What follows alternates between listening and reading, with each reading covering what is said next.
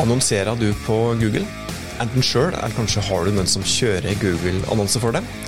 Vel, da må du høre på denne podkastepisoden her, for det skjer øyeblikkelig store endringer som vil få konsekvenser for hvilket resultat som du oppnår med annonsen som du kjører på Google.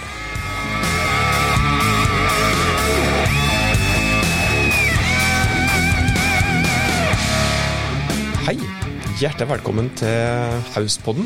Dette her er podkasten fra fagfolket i Haus. Oss er nok en gang på plass for å hjelpe deg med å nå de målene som oss virkelig ønsker at du skal oppnå der du jobber. Og bare for å få det til å henge med litt, for det kan jo hende at du tenker at nei, jeg kjører jo ikke Google Ads, jeg annonserer ikke på Google, så denne podkastepisoden her er i hvert fall ikke for meg. Vel, heng meg litt til, gi oss noen minutter, så vil jeg nok tro det at du skal få bra med nytte ut av denne episoden her uansett. Fordi det er jo da gjerne slik at en del av strategien din den handler garantert om planer og tiltak for å få bedre synlighet når målgruppene dine leter etter det som du har å tilby. Og betalt synlighet, og da gjerne Google Ads, er helt essensielt for de fleste som er opptatt av å ha en strategisk tilnærming til synligheten sin. Og Nå er det øyeblikkelig tid for enda en stor Google-endring som påvirker synlighetsstrategien din, og det er akkurat det det skal handle om i dag. Dette her bør du få med deg, fordi at du skal få helt konkrete tips til hvordan denne her endringen påvirker strategien din, og skal helt ned på tiltaksnivå. Og som sagt, denne episoden her er kanskje mest for det som annonserer, enten sjøl eller har et byrå som kjører annonsering for det, men det er òg for det som vurderer å begynne å bruke Google Ads. Og hvis du ikke bruker Google Ads fra før, og kanskje heller ikke har vurdert det, så tror jeg det at du vil få noen tanker om at du kanskje bør begynne å bruke det òg, hvis du hører på denne episoden her. Og Hvis du da f.eks. sitter i en bedrift da, som har en samarbeidspartner i form av et byrå for eksempel, eller en eller annen som kjører annonsering for det, og tenker at denne episoden ikke er for det, så vil jeg si det at du i alle fall, om ikke annet da, etter at du har hørt på denne episoden her, skal be det byrået om å komme med ei tilbakemelding på hva de gjør for det i forbindelse med denne her forandringen som vi skal prate om.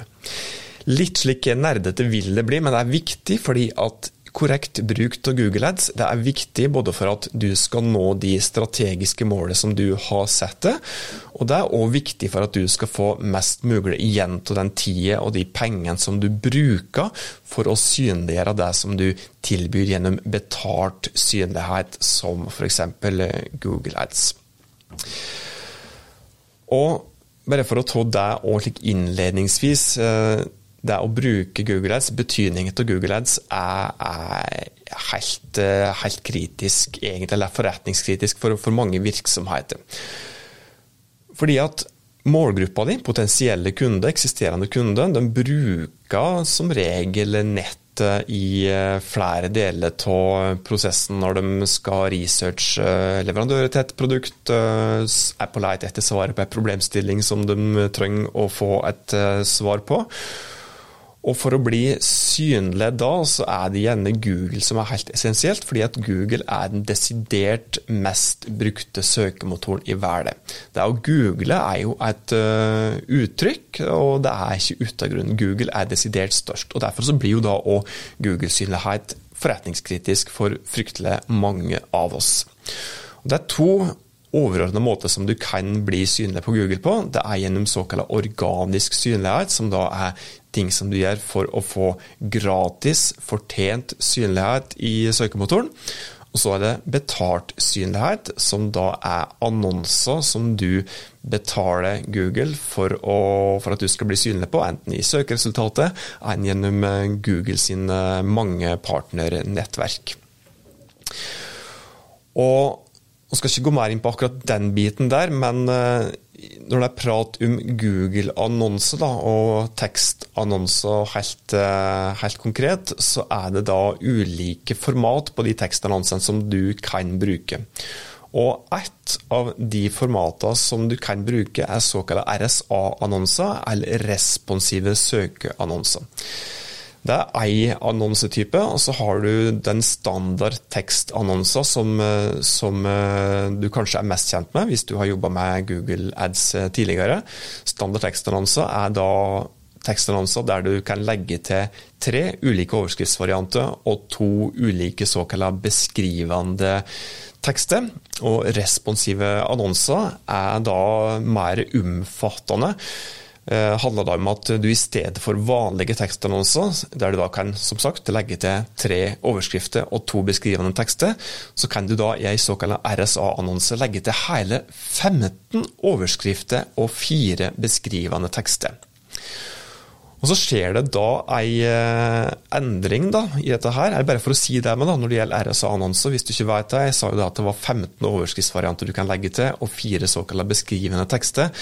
Samtlige av dem vil ikke bli vist i ei annonse. Det er slik at det er bare inntil tre overskrifter og to beskrivelser som vil bli vist på ei RSA-annonse. Men Google vil vise ulike kombinasjoner av disse her overskriftsvariantene som du, som du velger. Vi skal prate enda litt mer om dette her eh, senere, fordeler og ulemper med å bruke denne annonsetypen her.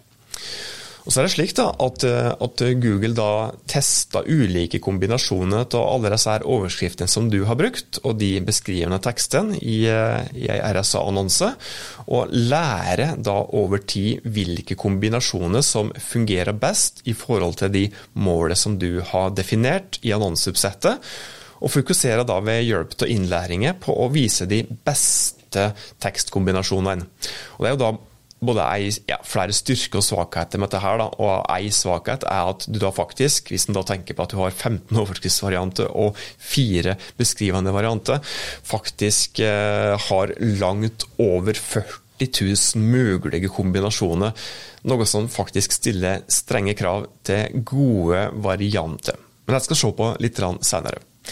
Og En fordel med HRSA-annonser er jo det at det blir færre tekstvarianter å, å holde styr på. For du kan jo da opprette kun tre RSA-annonser per såkalt annonsegruppe. I motsetning til vanlige tekstannonser, der du kan opprette utrolig mange. Så slik sett så er det da en fordel at du kan spare tid på RSA-annonser. Og det er òg en fordel, eller kan være en fordel, at algoritmer fungerer bra på visse vilkår. Og Derfor så kan du òg få bedre resultat med RSA-annonser på visse vilkår.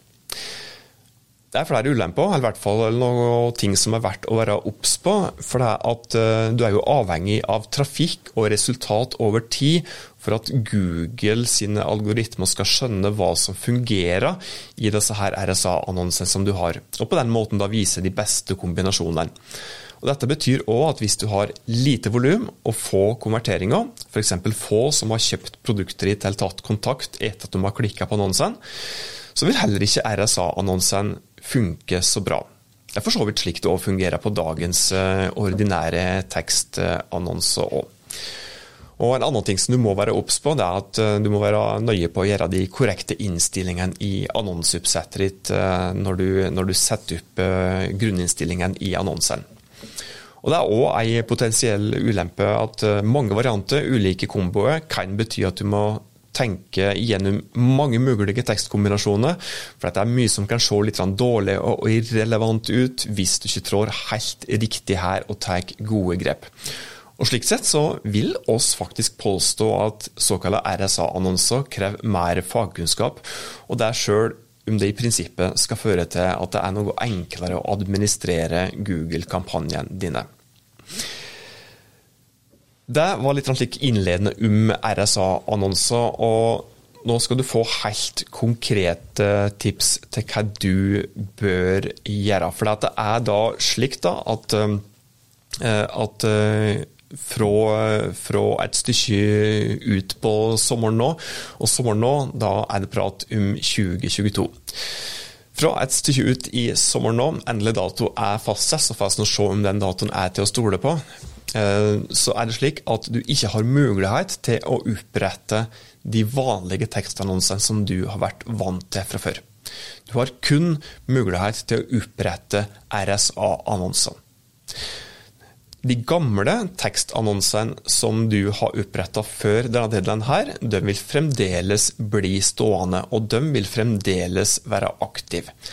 Så slik sett så, så, er det grei skuring. De vil fremdeles bli vist. Men du har mulighet til å kun opprette nye annonser i form av RSA-annonser.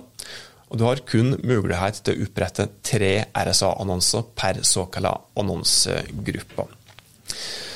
Så anbefalingen da, som du må ta med deg videre, enten du sitter og annonserer sjøl og håndterer Google Adsene dine sjøl, eller om du har et byrå som gjør det. Som sagt, hvis du har et byrå som gjør det, så anbefaler jeg at eh, du spør dem helt konkret om hva de vil gjøre for å møte denne endringen her. Men anbefalingen til alle som annonserer hva dere bør gjøre nå, det er faktisk for det første egentlig benytte denne anledningen her til å ta en full revisjon av annonsekampanjen. At du ser over hvilken kvalitetsscore du har, kanskje tenkt å gjøre en fersk søkeordanalyse osv. Det andre tipset blir at eh, du bør opprette RSA-annonser hvis du ikke har gjort det fra før. Og opprette gjerne tre stykk per annonsegruppe, slik at du har maksa ut dette. Du skal få noen flere RSA-tips om hvordan du logger gode RSA-annonser senere. Du bør òg benytte anledningen til å opprette flere ordinære tekstannonser før fristen går ut, fordi at som sagt, etter fristen så er det ikke mulig å legge til nye, men de gamle vil fremdeles være aktive. Og så bør du òg ta ut eh, en fulltidsrapport over kampanjene altså en rapport som spenner seg fra dag én når du begynte å kjøre annonser, til dagen i dag. Og så analyserer du for å se om du kan finne ut om det er noe spesielt som gjør at enkelte tekstannonser har fungert bedre enn andre.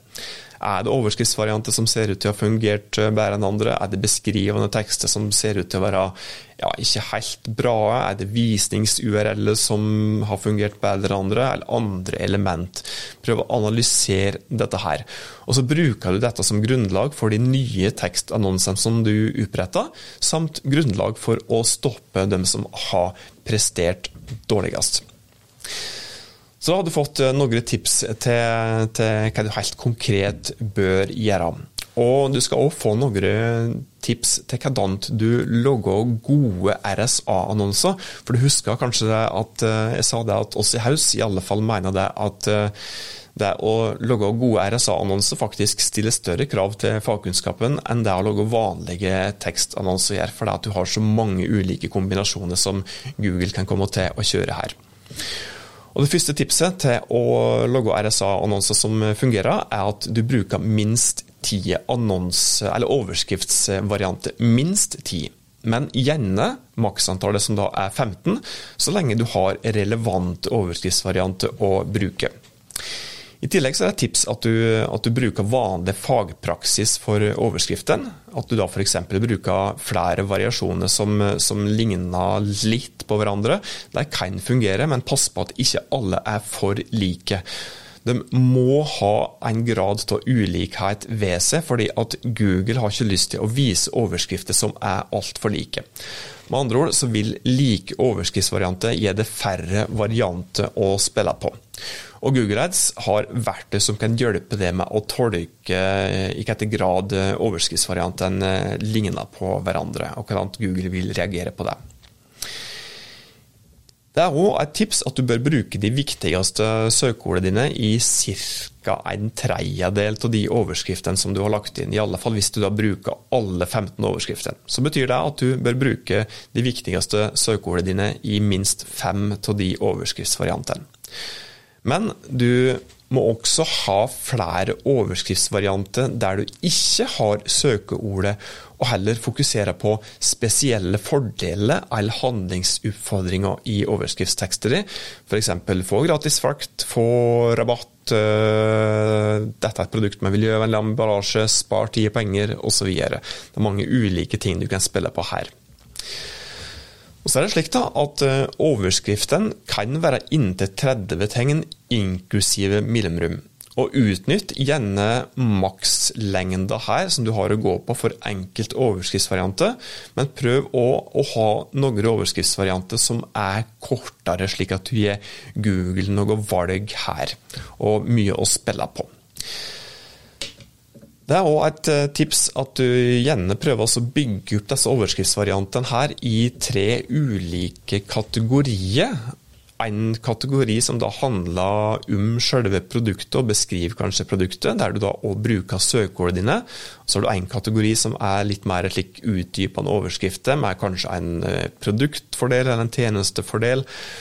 Og så har du en siste overskriftskategori, som da er en, ei handlingsoppfordring eller framheving av ting, ja, ting, som gjør at produktet ditt skiller seg ut fra andre. Da. Som kan være rabatt, kampanje, pris, kvalitet, fri frakt osv. Eh, ja, retur, gratis oppstartsmøte eller andre ting som kan lede den som ser annonser ut i fristelse til å klikke og skjønne hvorfor dette her er så bra. Eh, den som en får ut av dette her hvis en da klikker og kommer inn på noe ordentlig bra i den andre enden. Det er òg et tips at du bør skrive ordentlig gode beskrivelser. Og her òg så går det mye på bestepraksisen som oss kjenner fra før, når du lager gode tekstannonser. Gode beskrivelse de er gjerne mer utdypende om hvorfor potensielle kunder skal velge akkurat det. Her gjelder det å komme med et godt verdiforslag. Godt verdiforslag det har vi prata litt om i på den tidligere, så spol gjerne tilbake til en eller annen episode der vi prater om akkurat eh, det. Og bruk minst tre av de beskrivende tekstvariantene som du har mulighet til å legge inn, som da er fire, men gjerne fire variasjoner, slik at du gir Google mest mulig å spille på. Og Hvis du bruker flere beskrivelsesvariasjoner, så er det òg viktig å framheve noe unikt i hver variant. Prøv å tenke over hvilke kombinasjoner som kan dukke opp, og tenk nøye gjennom om de ulike kombinasjonene naturlig hører inn under hverandre. Det er et tips at du bruker ei handlingsoppfordring. Fortell målgruppa hva du vil at de skal gjøre. og Her prates da spesielt om den beskrivende teksten din. Eh, og typisk handlingsoppfordring, altså det som du vil at målgruppa skal gjøre, er jo f.eks. å Laste ned en eller annen guide, kjøpe noe, få tilbud, ring for å få knakende god pris, eller start læringer i dag, osv. Og så har vi et litt viderekommende tips for det som er spesielt interessert i Google Ads. og Dette blir et litt insider-tips. Det handler om at uh, du kan få bedre kontroll på hvilke variasjoner som Google viser, ved å bruke en såkalt pinnefunksjon til å pinne overskrifter og beskrivelse der du vil at de skal vises. Skal ikke gå så fryktelig mer inn på det, for det blir kanskje litt for nerdete i forhold til det som oss uh, egentlig ønsker at denne podkasten skal være. Og litt obs for det som vil bruke dette her. Hvis dette her skal fungere bra, altså denne pinnekontrollen, så må du ha stor, stålkontroll på dette her eh, rent faglig. Fordi at feil bruk av pinning kan òg føre til en del begrensninger i når og hvordan disse her annonsene blir vist anbefaler òg at du bruker en score-indikator. Eh, for at Google vil gi deg en indikator på om RSA-annonsene dine er gode, eller dårlige, eller middels eller utmerket. Og annonser merka dårlig, hvis du får en RSA-annonse som er det, så bør du jobbe for å i alle fall få ei eller to til de andre til å være god og gjerne utmerket. Fordi at Er det annonser som er merka som dårlig, så er det faktisk en reell indikator på at du ikke får den betalte synligheten på Google som du bør ha, fordi at Google mener at annonsen di av ulike grunner ikke er god nok. Ellers så må du da passe på at du har minst ei RSA-annonse før, eh, før, fristen eh, er ute. Eller fristen er ute før, før denne endringen kommer da, i, i, sommer, som da er sommeren 2022. Litt bonustips. husk på utvidelsene dine, da, som du har mulighet til å legge til i eh, Google Ads-kampanjene dine.